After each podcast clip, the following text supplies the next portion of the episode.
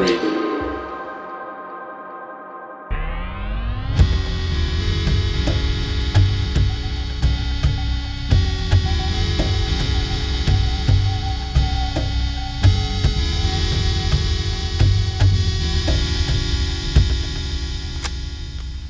Idapoliitika. ja tere tulemast kuulama idapoliitika kõige viimast saadet. mina olen Mariann Võsumets ja minu äh, kaassaatejuht Mats Kuuskemaa on äh, teisel pool seda äh, virtuaalset liinitoru. Mats, milliseid tundeid sinus tekitab teadmine, et me oleme eetris idapoliitikaga viimast korda ja miks me oleme eetris viimast korda? Ma lugesin kokku, et me oleme tegelikult kokku teinud kolmkümmend kaheksa saadet eh, ja ütleme nii, et väga-väga põnev on olnud, ma olen ise ka targemaks saanud ja see on tore teekond olnud, aga jah, nagu me oleme mõlemad Eestist ära pagenenud mingil omadel põhjustel. et siis ähm, igat, igat head asja tuleb ka lasta millalgi minna vist, ma kardan ma arvan, et nii on jah, ütleme kuulajale ka, kes meid võib-olla iga kord ei ole kuulanud, siis Mats äh, resideerub nüüd alaliselt Berliinis ja mina olen juba natukene üle aasta Londonis ja suure pingutuse tulemusena me oleme seda saadet üleval hoidnud, Mats isegi rohkem pingutades kui mina, tehes päris palju saateid üksinda vahepeal. aga, aga iga hea asi jõuab kord lõpuni aga, aga mul on hea meel, Mats, et me ikkagi täna seda saadet veel viimast korda koos teeme ja meil on, meil on kolm teemat tänases saates. me alustame sellest, et me räägime Berliinist, Berliini sündmustest, Saksamaa poliitikast natukene, siis me räägime Suurbritannia poliitikast ja me lõpetame mõistagi trummipõrin Eesti Riigikogu valimistega, mis seisavad ees märtsikuus ehk siis juba vähem kui kolme kuu pärast. jah, aeg lendab ja sel aastal nii USA või selliseid muid suuremaid valimisi ei tule, need Eesti valimised on ilmselgelt kõige olulisemad. maailm jäl, jälgige. kusjuures see ei ole üldse nali, ma arvan, et maailm täitsa jälgib, sest nagu me eelmises saates ka korra mainisime, siis kui nüüd tõesti peaks juhtuma selline šedööver nimega Äh, EKREIKE Vol kaks ja peaminister Martin Helme, siis äh, ma ei kahtle selles sugugi, et terve maailm jälgib. Äh, ja, ja isegi kui Kaja Kallas tuleb uuesti peaministriks, siis ikkagi kogu, kogu, noh, kogu maailm on muidugi liialdus mõistagi, aga, aga arvestades nagu seda Kaja Kallase sellist tähelendu maailmameedias ähm, Vene-Ukraina sõjasündmuste taustal, siis kindlasti Eesti ei ole enam selline tundmatu riik, eelkõige tänu meie äh, väga võimekale peaministrile ja, ja kui tõesti tuleb nüüd olukord, kus Martin Helme on peaminister, siis ma arvan, selliseid äh, nii-öelda Ungari valguses, äh, Ungari stiilis artikleid Eesti kohta kindlasti saab, ähm, saab äh, lugeda. nii et ähm, ma ei tea, Mats, millise tundega sa neid Eesti valimisi ootad, et mina noh, minus on küll nagu mingi osa minus on valmis selleks, et asjad lähevad väga halvasti. ei, ma lihtsalt loodan, et inimesed saavad sellest õigel ajal aru ja lähevad valima, et see sõltub alati valimisi mõnes mõttes ju mitte ei võideta, vaid kaotatakse neid kõige rohkem. ja kui inimesed mõtlevad, et oh suva, et kas ma valima lähen või et ma valin kedagi, kes niikuinii sisse ei saa või midagi sellist, mõnda erakonda, et, et see, see suhtumine võib selleni viia, et ma mäletan neid äh, valimisi, kui Trump võitis, on ju, siis paljud hädasid, oi, mulle ei meeldi Hillary Clinton, et nagu palju õnne, sulle ei meeldi, aga kas sa tahtsid Trumpi saada val, nagu presidendiks. et inimesed ei mõtle neid asju läbi vahest. aga jah, eks me jõuame sellest veel, kõigest sellest rääkida, aga natuke hirmutavad on, sellega sinuga nõus. jah, Mats, kuidas sul läinud on, sa oled nüüd Berliinis juba hea mitu kuud olnud ja, ja kuidas, kuidas läheb, kuidas elu Berliinis sind kohtleb? Ja ähm, kaks kuud tegelikult ainult, et äh, kaks kuud on natuke vähe aega, et kusagil harjuda, aga vaikselt see tuleb, igal linnas on nagu, eriti suurlinnal on hästi palju erinevaid tasemeid. et kuidas nagu ära harjud ja eks ma ikka õpin, õpin iga päev midagi uut, aga saksa keelt räägin palju, see on pluss, ütleme nii. no see on hea, saksa keelt sa rääkisid juba enne, eks ole, ja on ju? no head keelt sa räägid siis, kui on hästi hästi vali mingi paar ja siis inimesed räägivad hästi kiiresti, sest saad kõigest aru, siis on hea tase ja natuke on võib-olla mõni paar veini on ka sees. see alati aitab. kas äh, Mats, kas Berliin on äh, sinu linn? ma tean, et sul oli mingi, sa olid seal käinud juba palju enne, aga nüüd seal elades, olgugi et lühikest aega on, kas sa oled jõudnud õigesse kohta? kindlasti, kindlasti, kuigi ta on selles mõttes, ta on, ta on natuke šokeeriv ka vahest, et, et selles mõttes äh, ega igast linnast tuleb millegagi harjuda ja kõik isegi, mis on hea, et ähm,, et, et igal, igal, igal asjal on kaks poolt. et seda ma näen lihtsalt, et äh, mu üks sõbranna ütles täna hästi tabavalt, et Berliin on linn, kuhu tulevad väga paljud inimesed, inimesed ennast otsima. ja et kui nad kõik koos ennast otsivad, et kas nad ka leiavad, et see on nagu küsimus Äh, mis on nagu naljakas, aga, aga vahest on jah see, et inimesed on väga ähm,, väga huvitavad, aga nad võib-olla ei pane tähele, mis on ümber, ümber toimub võib-olla. et, ähm, et siin on väga kirju ja väga põnev koht, ütleme nii kokkuvõtlikult. ma arvan, see enda otsimine kehtib Londoni puhul täpselt samamoodi, et siin on raske on seda märgata tänavapildis, aga, aga tõsi on see, et just nagu meie generatsiooni seas inimesed, kes veel ei, inimesed, kes veel ei ole pere loonud ja nii-öelda suurlinna metropolist välja kolinud, on väga palju selliseid eneseotsijaid ja, ja, ja tegelikult noh, maailma mõistes ikkagi nagu selline, ütleme, paremal järjel koorekiht ja, ja sellise koorekihi nagu võsukesed on siia pudenenud. ja, ja, ja sa saad sellest nagu aru, kui sa suhtled inimestega ja, ja nende tausta kohta kuuled ja nende erinevate nagu tingimuste kohta, et kui, mis neil üldse võimaldab elada Londonis ajal, kui on äh, viimase kümne, kui mitte viieteist aasta suurim äh, elukalliduse kriis, rendihinnakriis, hinnast rääkimata siis üldse ka nagu rendipinna leidmise kriis, et ja siis sinna lõppu on kõikidel ka veel selline identiteedi ja isiksuse ja eneseotsingute kriis. Ma vahepeal mõtlen, ma vahepeal mõtlen, et kas, kas see suurlinn on nagu seda haipi väärt, aga eks ma saan, ma saan kohe karastava kogemuse osaliseks, ma lähen, ma lähen selle nädala lõpus Eestisse üle poole aasta ja siis ma pärast seda võin võib, võib-olla ma kainenen. Võib-olla ma arvan, et London on seda väärt, võib-olla ma mõtlen ümber, ma ei tea ei, ma arvan seda, et, et igal pool tuleb natuke olla ja, ja eks see on ja natuke lihtsalt, kui, kui kõik oleks kusagil ühes kohas hea, see oleks ikka väga igav ka mõnes mõttes. aga midagi on, mis, mis hoiab neid inimesi ka Londonis muidugi. ma arvan, see on see inimloomus, ma arvan, et see on mingi konstantse stimulatsiooni otsimine ja janunemine. jah, ma ütlen seda, et Berliin on lihtsalt rohkem selline keskklassi variant, et siin ei pea olema väga rikas, et siin elada jätkuvalt, mis on positiivne, aga siin on lihtsalt muud eri, eripärad. võib-olla. jah, aga asume asja kallale, lähemegi, võtamegi Berliini nagu sellise. ma ei tea, mis sa, mis sa, millest sa, millest sa pajataksid, kui ma küsiksin, mis, mis Berliini sellisel ühiskondlik poliitilisel areenil toimub, siis eh, ma arvan, et sina oled praegu niisugune hea vahetuallikas, kellest äh, sellist Saksamaa poliitilist ähm, sellist zeitgeisti, oh, super, ma polnud isegi plaaninud, et ma seda sõna kasutan, ma olen väga uhke enda üle. räägime zeitgeistist, Mats ma toon selle zeitgeisti lauale, selge ähm,. Berliini puhul ongi see, et Berliin nagu noh, paljud ütlevad esimese lausena, et Berliin ei ole Saksamaa, onju, et loomulikult ta on Saksamaa, Saksamaa pealinn, aga lihtsalt paljud sakslased näiteks tulevad kusagilt muust linnast, lähevad siin kohvikusse siis küsivad saksa keeles endale, ma ei tea, mingit äh, toitu ja siis keegi ei saa neist aru, onju.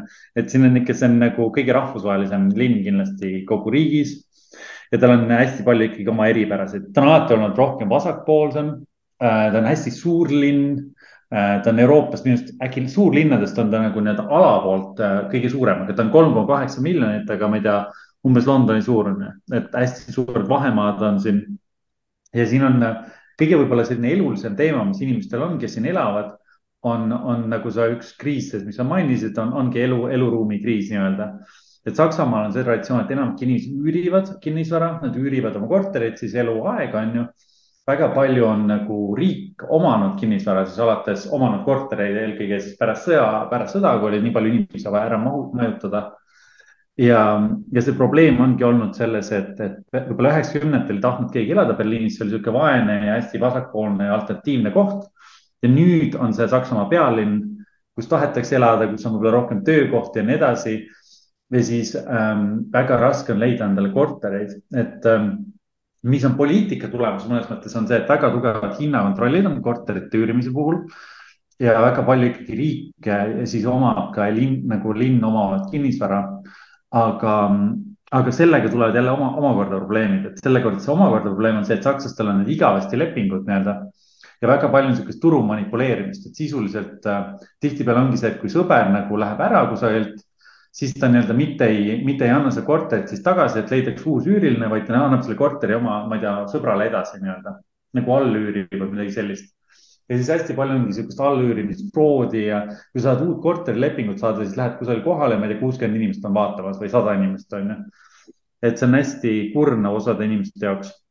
ja, ja kuidas see nagu poliitikaga seondub, ongi see, et eelmine kord, kaks aastat tagasi, kui olid valimised, mis muuseas loeti kehtetuks et mitte ainult Berliin ei suutnud oma lennujaama ehitada, aga, aga ka valimisi ei suutnud eelmine kord korraldada, et seal ei olnud piisavalt neid sedeleid vist. ja osad inimesed ei saanud sedeleid kätte, ei saanud valida, ühesõnaga palju oli selliseid irregulaarsusi ja nüüd tulevad see aasta uued valimised.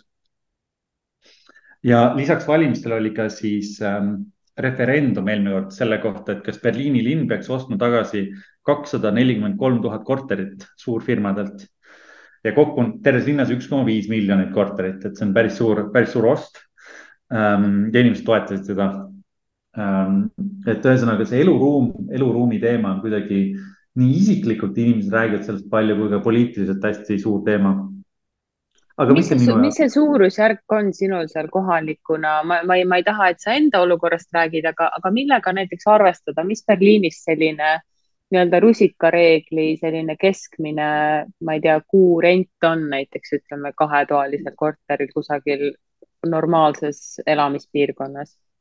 ütleme niimoodi, et see, mida mu sõbrad nagu rääkisid, mul oli mingi tuhat kakssada kuni tuhat viissada eurot nagu väike kahetoaline korter, mis on pigem selline mm -hmm. tagasihoidlik ähm,. kusagil nagu enam-vähem kesklinnas, mitte täiesti, aga nagu suht heas, suht okeis kesklinna kohas. et minul ongi see, et lihtsalt ma sain, ma jagan ühe sõbraga nagu suuremat korterit, kellel on hästi vana leping, et mul on lihtsalt, ma olen üks õnneseen siin linnas kas äh, noh, tuhat kakssada, tuhat nelisada on iseenesest jah. noh, selles mõttes, et jah, ma umbes seda eeldasingi, et ta ei ole nagu, ta ei ole kindlasti vähe, aga ta ei ole ka nagu üüratult meeletu.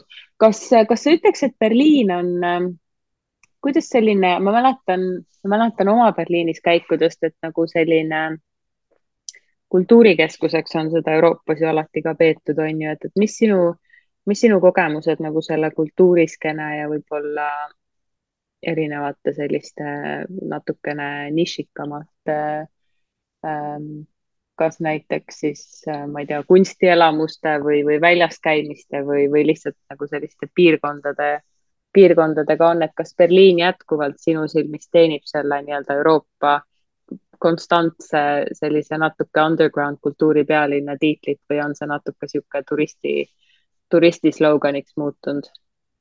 ma arvan, et undergroundi natuke on linnast kindlasti välja liikunud, et see on jällegi, jällegi see eluruumi kriis on üks osa sellest, et äh, päris palju on laitsi võtnud nagu mingeid noori kunstnikke siukseid võib-olla alternatiivseid inimesi üle. Mm.. et laitsi võib-olla räägitakse hästi kiiresti, on seal see elan nagu elanike arv kasvanud, palju on sinna kolitud aga Berliin ikka loomulikult on põnev, et ta muutub aja jooksul ja ta muutub loomulikult rohkem nagu võib-olla pošimaks või natukene hästi tibakene. selles mõttes ta on ikka alternatiivne ja kõigil on siin koht ja nii edasi. aga kui me vaatame kümme-viisteist aastat tagasi, lihtsalt paljud, kes tulid siia elama äh,, noored inimesed, neil ei olnud lihtsalt ühte, ühtegi töökohta nagu, et nad tõesti olid, ma ei tea, sa pidid minema kelneriks või siis nagu noh või siis ma ei tea, sul oli mingisugune väga spetsiifiline riigiga seotud töö, noh. et, et ma arvan, et seda enam nagu ei ole, et ta on võib-olla töö leidmine näiteks siin on kindlasti lihtsamaks muutunud. et inimestel on lihtne siin elada, aga samas kultuuri on absoluutselt, ma, ma olen, ma olen sinuga ikkagi nõus, et, et seda on, seda on väga nagu väga suur ampluaa, mis, mis sulle teha meeldib ja mida sa, mis sind huvitab. Äh, väga palju on jah, ikkagi ähm,, aga noh, ma ütleks seda, et ma ootan seda suvist aega, et seda linna natuke rohkem nautida. et äh, talv on, on selline nagu ta ikka on aga klubikultuur, Berghaini ma ei ole läinud seekord see on Veel, nagu põhiline klubi, kus peab käima. ma ükskord läksin sinna pü- pühapäeva hommikul kell seitse ja siis selle järjekord oli mingi kakssada meetrit põhimõtteliselt. et tavaliselt on see, et nagu turistid lähevad sinna reede õhtul vist äkki või, nagu nii-öelda turistid peamiselt on ju, et äh, või laupäeva õhtul ja siis lihtsalt on hästi pikad järjekorrad ja siis nad ütlevad paljudele ei ja siis berliinlased lähevad pühapäeva hommikul. aga mina tavaliselt pühapäeva hommikul pigem magan ja kui sa pühapäeva õhtul lähed, kaua seal siis ollakse? ma saan aru, et see on niisugune koht, kus võib vabalt seitsekümmend kaks tundi nagu ei, kenasti, kenasti veeta. okei okay,, siis lükatakse kõik ukse taha, jah? jah, selles mõttes, okay. aga. no aga võib-olla ongi niimoodi. vaba nagu, ja, jah. Siis võib minna. aga, aga seda on küll tore kuulda, kui sa ütled, et Berliinis töö leidmine on nagu selline jõukohane tegevus, et No. et seda on nagu, seda on kosutav kuulda, muidugi see on väga üldistatud statement, aga, aga mind huvitab näiteks, et mille põhjal sa seda väidad või, või, või, või äh, ma ei tea, kui keegi praegu mõtleb, et äh, istub Eestis ja mõtleb, et tahaks Berliini kolida. Et äh, mis sa, mis sa ütled talle? kui sa lihtsalt Eestis mõtled selle peale, et see on ikkagi pigem, mõtlengi rohkem oma võib-olla saksa sõpru, onju, kes varem olidki see, et kui nad olid, õppisid siin, siis nad läksid kohe kusagile Hamburgi või mujale ära. et nüüd on neid lihtsalt startup'e rohkem, nüüd on võib-olla, ma ei tea, mingeid muid, ma ei tea, riigi igast MTÜ-sid, kogu see mingi kogukondade asi, võib-olla lihtsalt rohkem on kasvanud terve selle linna majandus ikkagi et ja üks, üks aspekt nagu Eesti puhul ongi see, et ikkagi startup'id, kõik Saksa unicorn'id on kõik äh, Berliinis peaaegu ähm,. kuigi on bürokraatlik linn ja nii edasi, aga lihtsalt, mis, mis, mis ongi võib-olla raske, raske hinnata, et siin on lihtsalt hea elada, et inimestele meeldib siin olla, noortele inimestele. milles see seisneb, too, too paar näidet, see, see kõlab väga hästi ja ma täitsa usun seda, et seal on hea elada, aga millest see väljendub?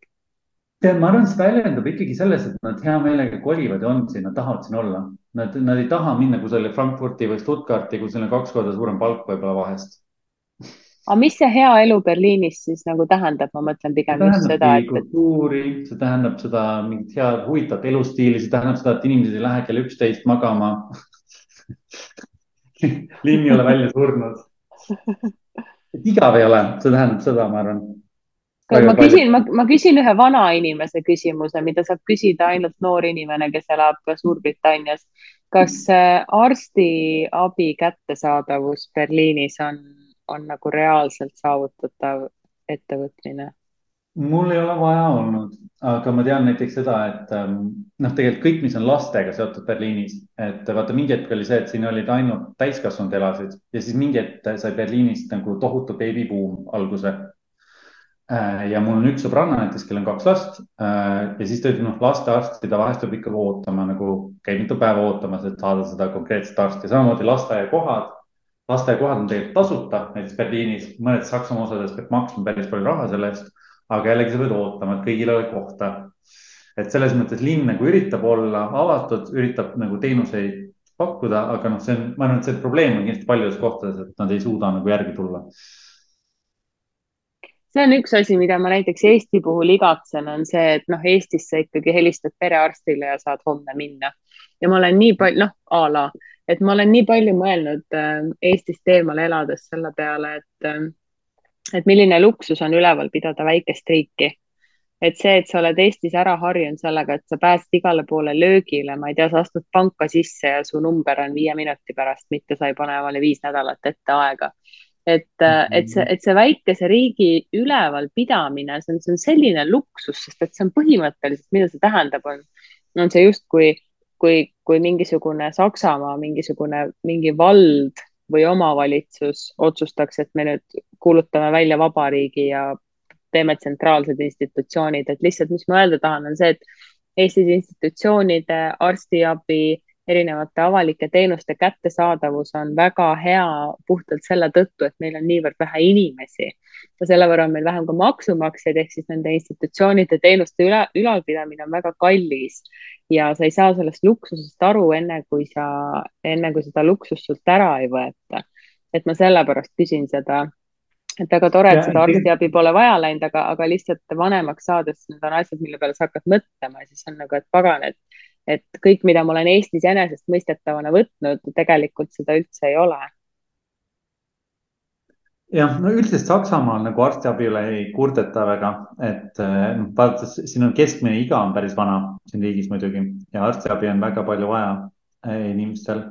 no ma räägin, see on see, et Saksamaa on suurepärane riik, sest teil on enamasti ikkagi väga hea heaoluühiskond ja, ja sellised nii-öelda noh, paks riik ja, ja selline vasakpoolsem, vasakpoolsem nagu sotsiaalne ja, täpselt, poliitika on ju nagu. et ta on sotsiaalkapitalistlik aga... jah, et see on selles mõttes noh, ma räägingi, et siukseid küsimusi ei pruugi üldse nagu tekkidagi.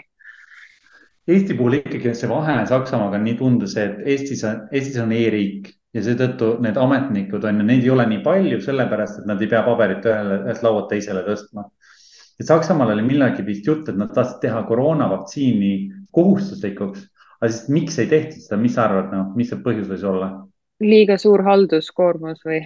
mis siis, oota, taheti teha kohustuslikuks? riigis ei olnud piisavalt paberit, et kõikidele inimestele kirjad saata, et te peate tegema selle vaktsiini. lõpetage ära. saatke meili inimestele, aga no seda andmebaasi muidugi neil ei ole. ei, see ei, meil ei, ei ole jah. Et äh, nii on äh,, nii on siin, siin, et, et selles mõttes jah, see, see, need on teemad ja mina näiteks sain, ma peaks kuu aja jooksul ennast registreerima siin, aga ma sain aja vist veebruari, novembris kolisin siia et. Äh, veebruaris saan ennast siis äh, arvele võtta. aga mis on huvitav Berliinis ka, teine teema on rohelised, kogu nagu nii-öelda rohe, rohemõtteviis ja nii edasi, et inimesed väga tugevad, minu sõbrad, mul on väga palju sõpru, kes äh, ei lenda lennuki mitte kunagi. Sõidavad ainult rongiga igale poole ja siis vahest mul on ka mõned Eesti sõbrad, ma ütlen, et ärge tehke small talk'i lennujaamadest ja lennukitest. et see ei ole hea teema um,. aga mis ma tahtsin öelda, on see, et rattateid ei ole et mis on huvitav, et Saksamaa väga palju roheenergiasse investeerib, kogu on roheteemad igal pool, inimesed väga palju äh, näiteks ei söö liha just ka rohelise nagu rohelise mõtteviisi tõttu, kliima tõttu. et ähm, aga samal ajal rattateid ei, väga ei ole Berliinis äh,. ja see on minu jaoks üllatus et ja selle põhjus tegelikult on see, et Berliinis on nagu, Berliinis on mõnes mõttes kaks erinevat linna. et üks on see, mis on selle Espaani ringi sees nagu, mis on Espaani ring on nii-öelda suhteliselt võib-olla mingi Pariisi suurune ala on ju. kus siis üks, üks nagu ringliin nii-öelda. siis on Ostkreuz, Westkreuz ja ma ei tea, mingi Wedding ja sellised jaamad, võib-olla mõned teavad um,. Need jäävad sinna külge näiteks ja siis üks koma kaks miljonit inimest elab selle ringi sees kus on siis hea elada, kus enamik tahavad kortereid ja nii edasi ja siis kaks koma kuus miljonit on ringist väljas. ja nemad tahavad kõik autoga sõita, nemad valivad kõik seda CDU-d ehk siis kristlikke demokraate või siis SPD-d ehk siis nagu traditsioonilisi siis sotse. Ja siis ähm, nemad tahavad kõik autoga sõita ja kõik tänavad täis parkida sisuliselt. Ja siis kesklinnas elab rohkem rohelisi, roheliste toetajaid, kes tahaksid sihukest rohelisemat ja tulevikulinna nii-öelda. aga nad on vähemus no vot ähm,. No. jah, rattateid, mina olen eeskujulikke rattateid näinud jätkuvalt vaid ähm, Hollandis äh,, Rotterdamis, kus ma kunagi elasin, kus oli ikkagi ülihästi korraldatud äh, rattainfrastruktuur, aga Londonis on ka väga palju sõidetakse rattaga äh, selle infrastruktuuri puudumise kiuste, et muidugi selliseid horde ma siin ei ole näinud nagu Hollandis, aga, aga ratas on popp teema, minul endal küll mitte Äh, ma ei ole veel selleni jõudnud, aga siin on ka see hea asi, et siin ei ole lund eriti või mitte eriti, siin ei ole lund üldse, nii et siin saab äh, rahulikult rattaga sõita. praegu on jaanuari algus, meil on viisteist kraadi sooja ja on selline kena Eesti kevad. Ja meil oli kuusteist kraadi oli vana-aasta õhtul sooja. uskumatu. Äh, rattaga aga... sõidetakse tegelikult väga palju, aga lihtsalt keset liiklust eelkõige jah, enam-vähem. Õnneks liiklus nii suurtes linnades on nii aeglane, et siin äh, väga suuri kiiruseid ilmselt üle, üles vist ei võeta um,. kui me natukene liigume Saksamaast võib-olla lääne poole, siis mis ma hoidsin väga, noh, ma hoian võib-olla Briti poliitikal praegu isegi rohkem silma peal kui Eestil ja mis mind nagu hämmastab kogu brittide uhkuse juures, on see, et noh, nüüd, kus meil on uus peaminister Rishi Sunak, eks ole, mees, kes on rikkam kui kuningas King Charles. Äh, selline fun fact siia juurde, kuningas King, kuningas, kuningas King Charles kuningas Charles kolmas. Äh, siis nagu peaministri äh, peaministri kõik sõnavõtud äh, koonduvad ähm, tõsiasja ümber, et tuleb taastada inimeste usk, nii-öelda siis usk ja eneseväärikus selle ümber, et Suurbritannia on nagu väärikas riik, kus elada, mis on täiesti täiesti šokeeriv avaldus Suurbritannia peaministri suunalt, sest et brittidel nagu sellise eneseuhkuse ja enesekuvandiga ei ole kunagi probleemi olnud aga arvestades seda, millisesse mudasse Boris Johnson ja siis üürikest aega peaministriks olnud Liz Truss selle riigi on jätnud, siis, siis uh, uuel konservatiivist peaministril Rishi Sunakil seisab tõesti ees see ülesanne, et taastada inimeste, inimeste usk poliitikutesse, mis on selline võib-olla nagu perpetual teema Eestis uh, igihaljas, et poliitika usaldusväärsus on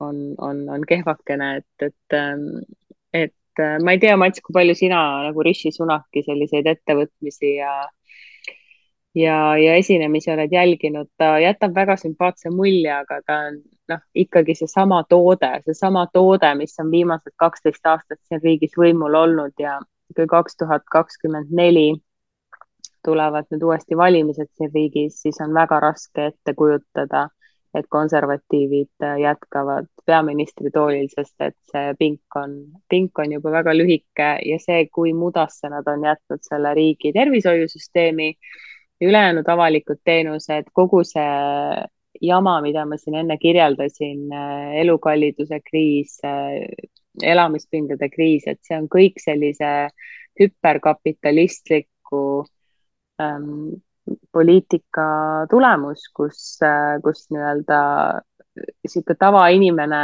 ja, ja töötav inimene ja noored inimesed on jäetud nagu sellise kapitalismi nagu hammasrataste vahele, mis, mis tähendab siis nagu reaalses elus seda, et London on tegelikult lihtsalt mänguväljak siis erinevate riikide oligarhidele, mitte ainult Vene oligarhidele, kes siis nüüd sõja tõttu on bännitud aga noh, Aasia kontekstis me väga palju oligarhidest ei räägi, aga, aga näiteks väga suur osa Londoni kinnisvarast müüakse maha Aasia turgudel, enne kui üldse kopp maasse lüüakse. ja kõik sellised nagu jah, hüperkapitalistlikud käigud on siis ikkagi nagu selle konservatiivide valitsuse ja, ja nende nagu poliitika tulemus, kus siis nii-öelda vaba turumajandus paneb kõik paika, paneb hinnad paika, paneb nõudluse paika ja paneb kõik lõpuks nii paika, et äh, täiskohaga tööl käiv inimene ei suuda enam Londonis omale ela, elamispinda lubada. et äh, ma ei tea, mis mulje sinul Rishi Sunakist on, Mats um,? ja, ei, see on pikk küsimus, aga ma ütleks seda, et, ähm, et Eestis võib-olla inimesed ei taju ikkagi seda, mis juhtub, kui sa kapitalismil lased olla nagu hästi pikalt. üldse ei sekku et võib-olla see on, see on see UK näide lihtsalt, et UK-s elades ma tundsin seda, ma nägin seda, kuidas tol ajal ka nagu Londonisse läksid, ma ei tea, sõbrad tööle, on ju, ja nad pidid, ma ei tea, tund aega sõitma rongiga, on ju, kui nad tahavad mingit korralikku kodu endale nüüd osta. Nad sõidavadki tund aega rongiga ja siis ma sain sellest aru, et sa pead kohe ostma korterid, kapitalistlikus riigis, osta korter varakult. ja noh, seda ma tegin, aga aga Rishi Sunaki kohta nõus, et sama toode, et ta kindlasti on oma olekult ja stiililt hästi erinev ähm,. ta on endine pankur, on ju, aga samas teda peetakse väga võimekaks juhiks, et ta oli võimekas rahandusminister nagu sisu poolt ja nii edasi. selle erakonna häda on see, et jah, see seltskond on väga paljuski sama, et loomulikult seal on erinev nagu võib-olla nišiasetus, kui ma ei tea, Trussil oli ja kui Johnsonil oli, et nad on natuke on seal konservatiivsed ikkagi erinevust olemas, aga samas nagu enne Brexitit, enne kogu seda nagu suurt lõhestumist ja enne seda, kui väga paljud inimesed läksid poliitikast ka visati välja sealt erakonnast, palju, seal nii palju kriise on ju tegelikult ähm,. oli seal erakonnas palju, palju suurem võib-olla vahe, et seal oli tegelikult täiesti Euroopa-meelne tiib oli olemas konservatiivsete seas. aga nüüd, nüüd neid ei ole, need on lihtsalt nagu Brexiteerid ja siis äärmus Brexiteerid põhimõtteliselt on ju kuigi Brexit on nagu ammu juhtunud, aga samas see väljendubki võib-olla nagu, no Trusti kohta räägitigi, et, et Trusti poliitikad olidki nagu Brexiti loogiline jätk, on ju. et, et teeme selle nagu mingi hästi kapitalistliku, ma ei tea, Kaimani saare teeme Suurbritanniast, aga unustate ära, et kuuskümmend miljonit inimest elavad seal lihtsalt. et jah. jah, kuuskümmend miljonit inimest, kellele jah, kuuskümmend miljonit inimest, kellele tasuks ikkagi noh, kellel kõigil on mingisugust nagu elujärge vaja, on ju, et see ei ole lihtsalt mingisugune firmade registreerimise saar, on ju. ja, ja ähm, jah, mis Brexitisse puutub, siis äh, selle tagajärjed on jah, ma ei, ma ei, ma ei taha Brexitist väga palju rääkida, selles mõttes, et tagajärjed on, raske on eristada, mis on pandeemia tagajärjed ja mis on Brexiti tagajärjed majandusele, aga nende sümbioos mhm. kokku on andnud kindlasti sellise olukorra, kus nagu rõõmustada millegi üle väga ei ole. Äh, mis oli huvitav siin riigis jõulude ajal ja vahetult enne jõule, mis on ka ilme, nagu ilmestab seda konservatiivide valitsust väga hästi, on see, et sisuliselt pool riiki oli streikimas raudteetöötajad, ühistransporditöötajad ja tervishoiusektor. ehk siis avalikud, äh, avalikud teenused äh, läksid siis streigile äh, väga suures väga,, väga-väga suures osas, et kujuta ette, kui sa sellises riigis nagu Suurbritannia ei sõida rongid viiel päeval nädalast oluliste linnade vahel. Metroostreigid on Äh, ja, ja tervishoiutöötajate streigid samamoodi. kusjuures tegemist oli Suurbritannias kõige suurema meditsiiniõdede streigiga Suurbritannia ajaloos, et meditsiiniõed ei olnudki streikinud varem sellises mastaabis, et arstid küll mitmeid kordi, aga, ja, ja vaidlus käis siis selle üle, et kümme aastat ei ole tõstetud õdede palka ja et meditsiiniõed töötavad siin riigis siis äh, alla keskmise palga eest ja seda nähakse ka sammuna selle suunas, et siis tervishoiusektor erastada, minna sellist Ameerika teed, ähm, mis on jällegi Eestis ela, Eesti elanikule nagu noh, mul ei ole Eestis, mul ei tule nagu mõttessegi juhul, kui ma millegipärast ei taha kahe tunni pärast vastuvõttu saada, et ma peaks kuhugi erakliinikusse mingisuguse väga basic asja pärast minema. et, et need streigid ilmestavad jah, lihtsalt ka nagu ja kusjuures streikide tulemus oli see, et valitsus siis tervishoiutöötajatega maha ei istunud, vaid Rishi Sunak ütles kohe, et äh, palgatõusu ei tule, mis on täiesti noh, enesele jalga tulistamine äh,. aga ühest küljest on see, et nende poliitika on väga konkreetselt seda suunda, et nad tahavad tervishoiusektori erastada nii palju kui võimalik ja, ja palka nad ei tõsta ja Rishi Sunaki põhjendus oli siis see, et ajal, kui ülejäänud riik äh, nii-öelda kannatab elukalliduse kriisi all, siis me ei saa maksumaksja raha suunata teie palkadesse rohkem, mis on nagu kohutavalt küüniline, sest et mille pagana pärast see riik siis eksisteerib, kui mitte sellepärast, et inimestele elamisväärset elu, sealhulgas tervishoiuteenuseid siis pakkuda et, et see on ikka nagu täiesti noh, täiesti aplaava ikkagi, mis siin toimub, et väga-väga-väga kurb on jälgida ja, ja see asi ilmselt päädibki sellega, et mitte mingit palgatõusu ei tule nendele inimestele. ja see aspekt on, on jah see, et, et inimestel tundub, on ju, kes on hästi vabaturu, ma ei tea, poolt ja miljonärid ja nii edasi, et, et hästi palju vähem maksavad makse et, et see tuleb parem riik, aga see lihtsalt tekitab hästi suure ebavõrdsuse jah, et, et kui sul ei ole inimestel ligipääsu tervishoiule, siis see on, see on päris väga, väga, väga raske olukord. jah, ja seda imet, seda maailma imet ei ole juhtunud, mida kangesti loodeti, et kui ühiskonna kõige rikkam kiht hakkab rohkem teenima, et siis sealt pudeneb ka sinna alumiste kihtide juurde, inglise keeles nimetatakse seda nähtust mm. trickle down economics ja ei ole veel ühtegi uuringut, mis oleks tõestanud, et see niimoodi ka toimiks, et üldiselt see rikkus jääb sinna ikkagi kõrgematesse kihtidesse pidama, et sealt alla ja, midagi. konservatiivide erakonna sponsorite juurde võib-olla. jah, just, just, just jah. aga jah, et ja, et raske on võib-olla tagasi tulla sinna normaalsesse olukorda, et kui sa kaotad nagu mingid riigi funktsioonid ära ja siis äh, neid hiljem nagu tagasi tuua ja siis hiljem hakata inimesi ka rohkem maksustama. et see on võib-olla keerulisem aga võib-olla inimesed millalgi valivad selle, aga praegu lihtsalt mulle tundub, et igal pool maailmas on selline suund, et inimesed ei taha makse maksta, aga nad tahavad teenuseid ikka saada. et see on nagu see Eesti võib-olla probleem mõnes mõttes, et, et meil on, meil on, ma ei tea, maailmas üks paremaid haridusi, aga ma ei tea, õpetajatele ei maksta väga palju või nagu terve tegelikult noh, tuletõrjujate, mingid muude paljude riigiteenistujate palk on pigem väike aga samas me lihtsalt ei saa nagu noh, lõpus see probleem ongi see, et inimesed mõtlevad selle peale, et kõrged maksud on ümberjagamine. aga tegelikult selle ümberjagamine, see on lihtsalt riigiteenused, kas tahad saada häid riigiteenuseid efektiivselt kõigile või sa tahad ise maksta kõikide asjade eest ja võib-olla kokkuvõttes maksta palju rohkem.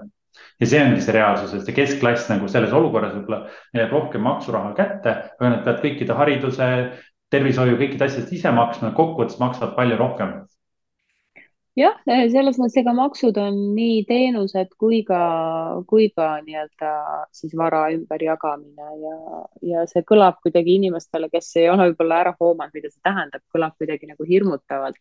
et keegi tuleb, võtab kogu sinu vara ära ja jagab selle laiali, et noh, päris nii ka ei ole, et see on ikkagi nagu selline tasakaalustav mehhanism, et, et Saksamaa on just ju väga hea näide siin sellest, selle maksukoormuse põhjal ka, et, et sul ei ole otseselt vaja rohkem kui sul nagu mugavaks äraelamiseks vaja on, sest ma olen korduvalt siin saates öelnud ja ma ei suuda uskuda, Mats, et me oleme kolmkümmend kaheksa saadet teinud.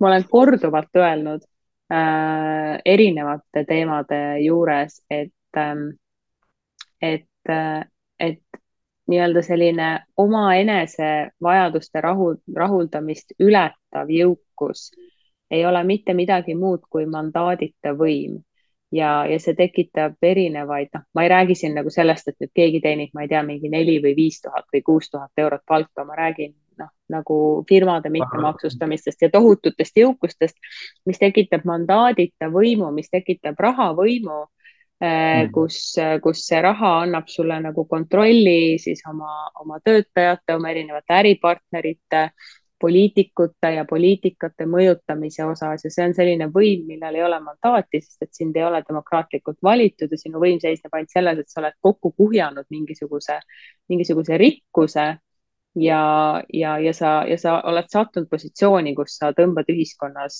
nagu, nagu siis võimu, võimunööre, on ju. et see on ja, see nii-öelda vara. jah, et see ja absoluutselt jah, et, et see ongi nagu selle vara ümberjagamise nagu mõte, et muidugi Eesti mõistes see noh, vara ümberjagamine on ikkagi nagu nii marginaalsete protsentidega ka, et Eestis on noh, ei ole ka nagu nüüd nii kõrge palga teenijaid nii palju, kes üldse selle pärast tohutult mure, peaks muretsema. igatahes äh, Suurbritannia teema kokkuvõtteks ma ütlen seda, et on väga raske näha olukorda, kus äh, tuleval aastal valitakse äh, konservatiivid tagasi äh, see erakond on väga väsinud ja endal ikkagi nagu time and over margi nii täis teinud, et, et see isegi noh, see ei ole praegu mõ nagu mõeldav. Ja olgugi, et opositsiooniliidri puhul ei ole tegemist maailma kõige karismaatilisema mehega, siis me oleme jõudnud olukorda, kus äh, vahet isegi ei ole, kes seal opositsiooni eesotsas on, peaasi, et see pole Jeremy Corbyn, kes mingisugusel täiesti arusaamatul põhjusel ei olnud inimeste seas väga sümpaatne. minu meelest oli väga tore vanaisa, minu meelest oleks suurepärane peaminister olnud, aga tal on seitsmekümnendatest mingisuguse hardcore sotsialisti taak, mis siin riigis on absoluutselt vastuvõetamatu ja seetõttu ta ka siis nagu cancel dati põhimõtteliselt. ja pandi asemele mingi selline suhteliselt suvamees Äh, ja isegi see suvamees tegemata suurima, suuri, suuri pingutusi on praegu siis nagu tõenäoliselt ähm, teel siis uueks ähm, Suurbritannia peaministriks pärast äh, kaks tuhat kakskümmend neli valimisi, aga elame-näeme.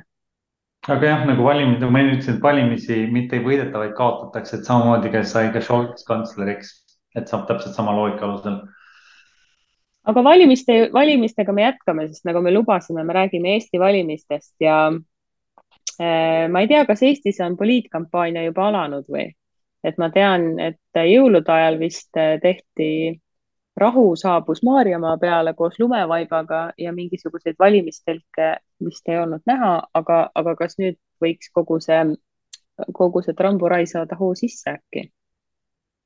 ma ei tea, huvitav on see muidugi, raske on hinnata, mis ajast poliitikud tegelikult hakkavad tööle, aga ilmselt ma arvan, võib-olla aasta enne valimisi enne selliseid valimisi nad hakkavad ma... toimetama mingil määral ise. kindlasti, kindlasti, ma mõtlen huvitav, et lihtsalt, kas seal Kristiine keskuse ees on juba Keskerakonna telk väljas, et see oli mu küsimus pigem. no sa pead, kuidas sa muud, muud moodi oma puhkust veedad, kui sa lähed. ma lähen kontrollin, ma lähen yeah. kontrollin esimese asjana, kui ma Tallinnas maandun. Lähen vaatan, kas Kristiine keskuse ees on telk väljas no vot, patrulli natuke. Lähen patrullin, Edgar Savisaar suri ära Keskerakonnast rääkides. ma mäletan aastal kaks tuhat viisteist minu esimene tööpäev Postimehes oli suur paanikaosakond, sest Edgar Savisaar viidi haiglasse. ja ma mõtlesin mm., et issand, kas uudistemajas ongi nii põnev töötada iga päev. et Edgar Savisaar muudkui viiakse haiglasse aga Edgar Savisaar siis jah, tõesti siis lahkus ja, ja, ja ma arvan, et Edgar Savisaare puhul on nagu kurb see, et äh, ma lugesin vist Ekspressi mingisugust lühikest lõiku selle kohta, et et teda kindlasti väga palju tema elu lõpu ajal muserdas see, et äh, tema, kes ta oli ikkagi suur poliitik olnud kunagi ja, ja rahvarinne ja, ja kõik suured asjad ja kartulid ja värgid, et tema arvamus tegelikult ju tema elu, elu lõpupoole ju tegelikult ei lugenud avalikus ähm, avalikus nagu diskussioonis enam mitte midagi ja ma arvan, sellega võis olla tal väga raske leppida. No jah, vaata, eks see on see aspekt, et kas sa oskad kaotada, onju et mingil määral ta lihtsalt ei tahtnud lasta, ta tahtis ainuvalitseda lõputuseni, on ju, ja ta ei olnud tiimimängija, et see on, see ongi see häda, et Keskerakond enne oli nagu nii-öelda võimuladvik, põhimõtteliselt püramiid, kus oli ainult, kas see oli tema poolt või vastu, on ju, kas, mis vaated on, mõnes mõttes isegi lugenud.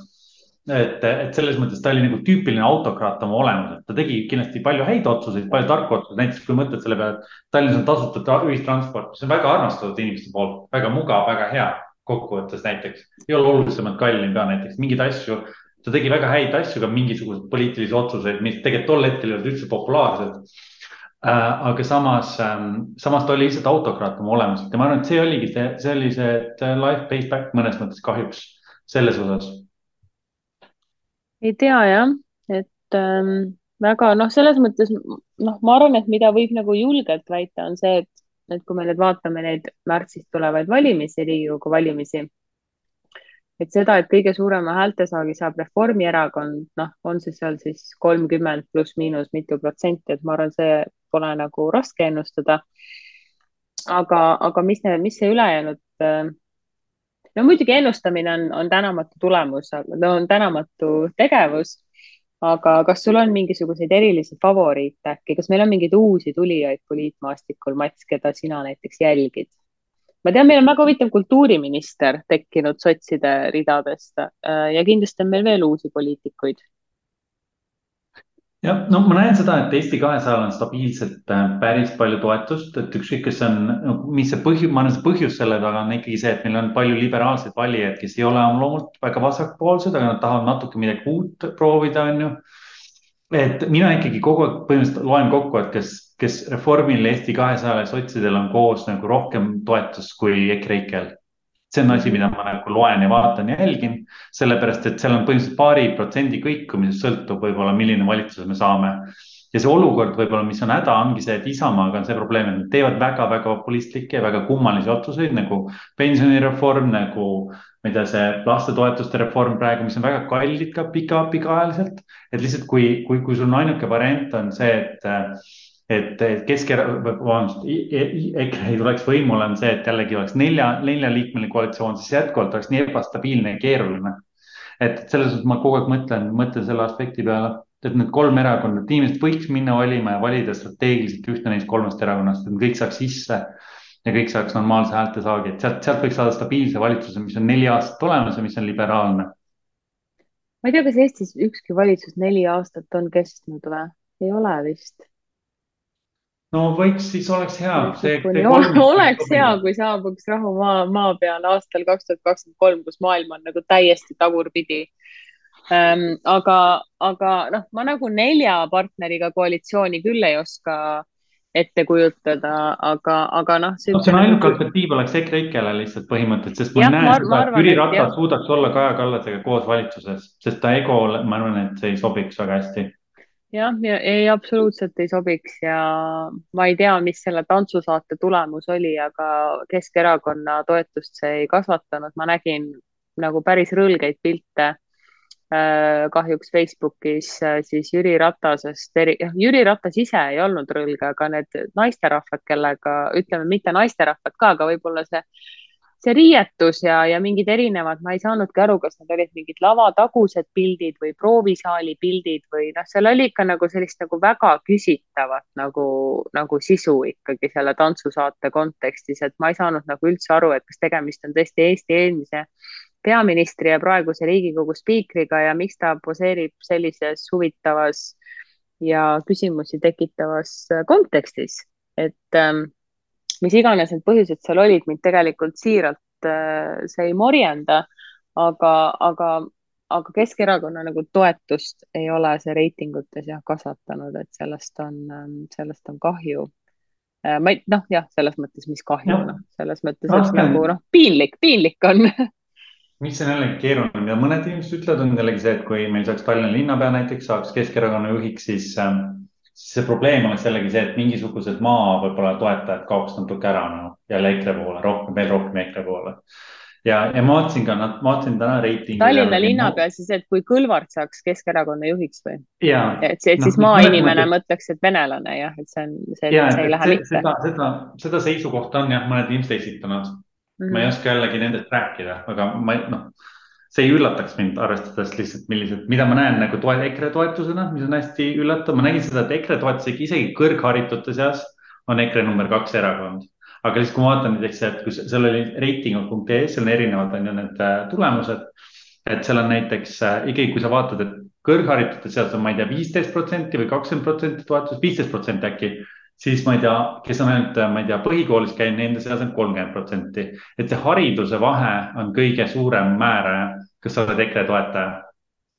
aga, aga ikkagi peaaegu kõik toetavad EKRE-t teise erakonnana, kaasa arvatud Eesti venelased. mis sa arvad, Mats, mis selle, mis nagu sentiment selle taga on, et EKRE-t toetatakse, et me teame, ühegi erakonna puhul see ei ole alati sada protsenti see, et mulle hullult meeldib see erakond, vaid seal taga on nagu mingisugune emotsioon seal on mingi pikemate aastate jooksul kujunenud mingisugune hoiak, mis leiab siis nagu väljenduse mingi erakonna toetamises. mis sa arvad, mis see sentiment on selle EKRE populaarsuse taga just Eesti riigis? Mis sa arvad, mis, mis tunne see on, mis kannustab inimesi EKRE-t toetama? ma arvaks, et see peab ikkagi olema see, et kuidagi teistel on nagu midagi rohkem, et inimesi, kes on tegelikult. mingi ole... ilmajäetuse tunne või? Neil ei olnud, nad ei ole rahul jah, et nad ei ole piisavalt nagu väärtustatud või neil ei ole piisavalt palju midagi ja siis nad tunnevad, et just see erakond, kui ta on, kui nad sõimavad nii kõvasti, on ju, nii resoluutne, nii julge, siis seetõttu nagu ja teine asi on see, et ikkagi meil on hästi nagu Eestis, see on, see on hea, hea, et Eesti riik on alles jäänud ja Eesti rahvuslus on alati tugev, aga see lihtsalt väljendub ka ikkagi see nii-öelda see kuidas ma ütlen, inimesed ei taju nagu seda head ja halba rahvuslust, nad ei saa sellest vahest päris hästi aru nagu, nad ei saa aru, millal see rahvuslus muutub natsismiks ja nii edasi, et see lihtsalt on neile kuidagi noh, sellel on, on ka mingi tugev alus olemas. Sellisel nagu võib-olla mitte päris positiivsel rahvuslusel Eestis. Jah, ma, ma olen üritanud, ma arvan, et vast ei möödu nagu päevagi, kus ma otseselt ei mõtleks selle peale, ma ja ma nagu mõtlen ka, et mis inimesi nagu kannustab, on ju, üks on see ilmajäetuse tunne, aga kindlasti nagu poliitika tänapäeva maailmas, nii Eestis kui globaalselt ei ole ammu enam nagu selline policy poliitika, vaid ta on identiteedipoliitika ja ma arvan, et me räägime poliitikas, me võime küll rääkida maksudest ja tervishoiust, aga mulle tundub, et inimesed räägivad poliitikas järjest rohkem ainult iseendast ja omaenda grupi identiteedist ja ma arvan, et see on mingisugune selline sarvede kokkusurumine erinevate, erinevate identiteetide vahel, et tõestada kuidagi iseenda nagu ülemuslikkust. Ja ma ei tea, miks tõesti see Eestis nagu just nagu sellise välja, väljundi on valinud. aga, aga ütleme nii, et ma võib-olla ei tormaks enam niivõrd kiiresti hukka mõistma inimesi, kes on nagu sellise traditsioonilisema või konservatiivsema maailmavaatega, kui ma seda oleks võib-olla teinud kaks-kolm aastat tagasi. ma saan aru, kust need tundmused tulevad, aga ma jään endiselt selle juurde, et ei EKRE ega enam ka Isamaa neid sellist nagu soliidset, elegantset konservatiivsust ja traditsiooni ei esinda.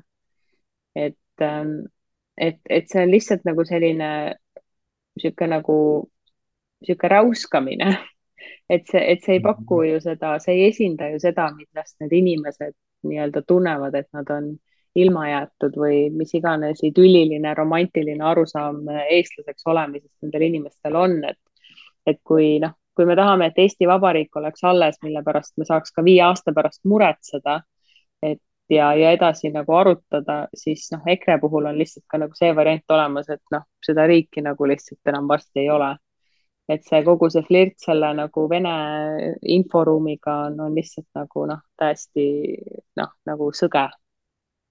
Ja ei, see on hästi üllatav jah, et kuidas sa saad olla nagu venemeelne ja rahvuslane samal ajal, et see on, see on ja kuidas see nagu peale läheb inimestele või nad ei, tõesti ei küsi enda käest üldse küsimusi, ma sellest ei saa aru. ja, aga inimesed ongi täiesti manipuleeritavad, et selles mõttes, kui sa mõtled nagu, et mida, mida pannakse inimesi uskuma, kuidas need grupiidentiteedid üldse luuakse kuidas see nii-öelda luuakse, et teised, keegi mingi, ükskõik mis grupp on siis loll ja vale ja teeb kõike halvasti.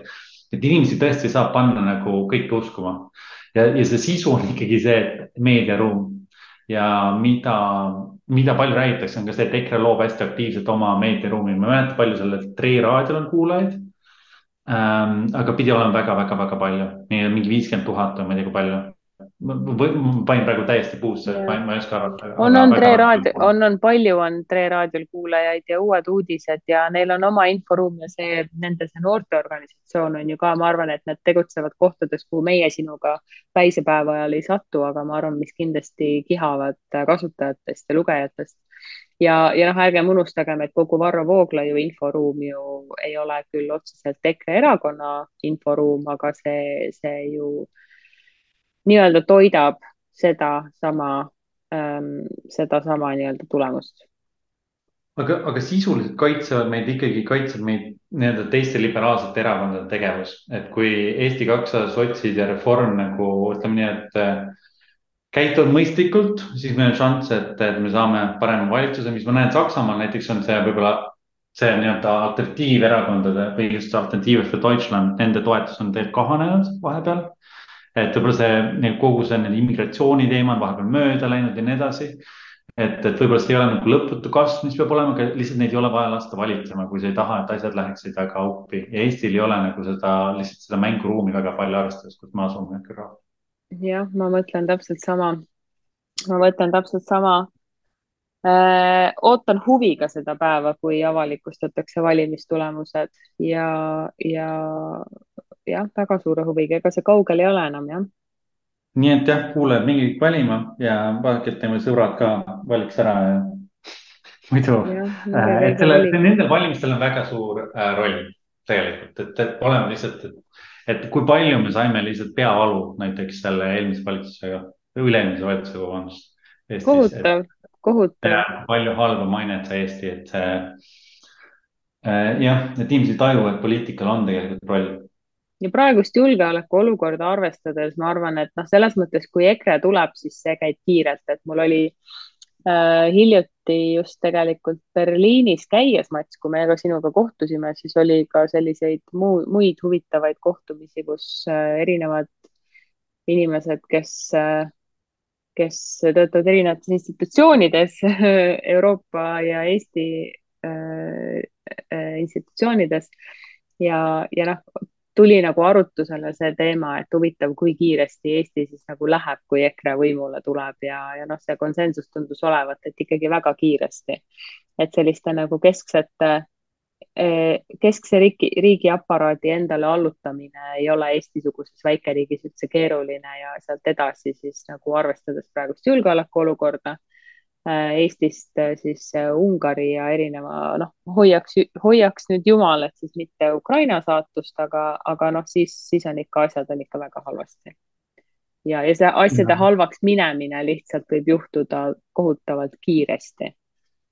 ja ei, see juhtub lihtsalt nii, et inimesed ei saa aru, vaata, ja siis seda on hästi raske seda protsessi peatada, et see, see on see probleem muidugi aspekt on ka see, et meil on lõpuks ikkagi parlamendis tegelikult Keskerakonna inimesed, nagu me nägime selle EKRE olukorras, et Keskerakonna enda liikmed ei ole tegelikult, äh, nad ei armasta EKRE-t sügavalt ja nad ei taha, et Eesti muutuks autokraatiaks, et ma arvan, et nemad, nende, nendel, nendel on alati nagu hääl olemas, et tegelikult Isamaa või EKRE ega Isamaa ei ole kunagi enamus ja ka Isamaa otsustas minna praegu kokku Reformierakonna ja sotsidega, et selles mõttes ei ole lootusetu juhtum aga lihtsalt oleks väga tore Eestile, kui meil oleks neli aastat stabiilset liberaalset valitsust. lihtsalt nende äh, Keskerakonna saadikute puhul, keda sa mainid, on lihtsalt see väike konks, et jah, nad ei pruugi sügavalt palavalt armastada EKRE-t, küll aga nad tahaks olla valitsuserakond. ja see on sageli see, mis selle kaalukausi nagu otsustab, et okei okay,, me EKRE-t küll ei armasta, aga oma, oma nagu sooja toolialust tahaks hoida, ehk siis äh, teeme nendega siis valitsuse jah, seal on, seal on palju keerulisi vali, valikuid, aga noh, eelmise valitsuse ajal nagu suured lollused, vaata, mis oli näiteks äh, äh valitsuse äh,, sorry, korruptsiooni järelevalve äh, organi näiteks kaotamine, need jäeti ikkagi pooleli mingil hetkel, et nad ei saanud nagu nendega ei mindud edasi, et selles mõttes äh, igal, igal saadikul saab olema roll sellises olukorras jah. ja jumal tänatud, meil, valimissüsteemi muudetakse, siis oleks palju raskem olukord taaskord elame-näeme kõigest, kõigest kaks pool kuud minna ja siis on Eestil juba juba uus valitsus ja tahaks muidugi saada hingata kergendatult ja öelda, et Kaja Kallas jätkab. ma ei ole ise Reformierakonna valija, aga mulle tundub, et neil on antud, antud olukorras parim võimalik peaminister ja, ja mina näeks, mina näeks väga hea meelega Kaja Kallase jätkamist, et ma ei tea, Mats, kuidas sinuga? Ja samad sõnad väga, väga, väga armastatud liider Euroopas ja, ja ta oskab rääkida tasakaalukalt, ta ei Äh, süüdista teisi riike erinevatest mõnedes teist, teiste poliitikutest, kes aeg-ajalt seda teevad. et ta oskab, ta oskab koostööd teha, mida on kõige rohkem vaja selles olukorras. aga minu arust väga tore, et meil oli see saade, see poolteist aastat, Mariann, sinuga. ja ma loodan, et meie kuulajad on ka seda nautinud nagu meie aeg-ajalt ja, ja ma arvan, et kindlasti uutes formaatides me saame veel tulevikus teha toredaid asju koos ka ma arvan ka, Mats, suur aitäh, et sa selle pakkumise vastu võtsid omal ajal ja ma mäletan maikuus kaks tuhat kakskümmend üks, issand jumal yeah., oli jah, meil esimene saade. ja väga palju on jah juhtunud selle ajaga, et Ida Raadio ei ole enam seal kuudis, kus ta enne oli ja meie ei ole enam seal riigis, kus me enne olime ja ja jah, väga-väga põnev ja väga tore on olnud tegelikult jah, nagu sundida ennast leidma seda aega, sest iga saade on minu meelest alati super, super nagu, nagu tore ja, ja huvitav olnud ja lihtsalt, lihtsalt elu võtab oma suunad ja Berliin ja London tõmbavad endasse suure hooga. nii on, aga vinge aeg on olnud ja, ja tuleb, tuleb, tuleb edaspidi ka uutes, uutes asjades, aitäh sulle samamoodi ja ma arvan ka, et äh, tasub hoida silmad lahti, et võimalik, et me jääme siin edasi vibreerima sellel kanalil, aga suur aitäh sulle, Mats ja suur aitäh meie kuulajatele. ja eks me Head kusagil ikka kohtume. head uut aastat ja minge valima. tšau.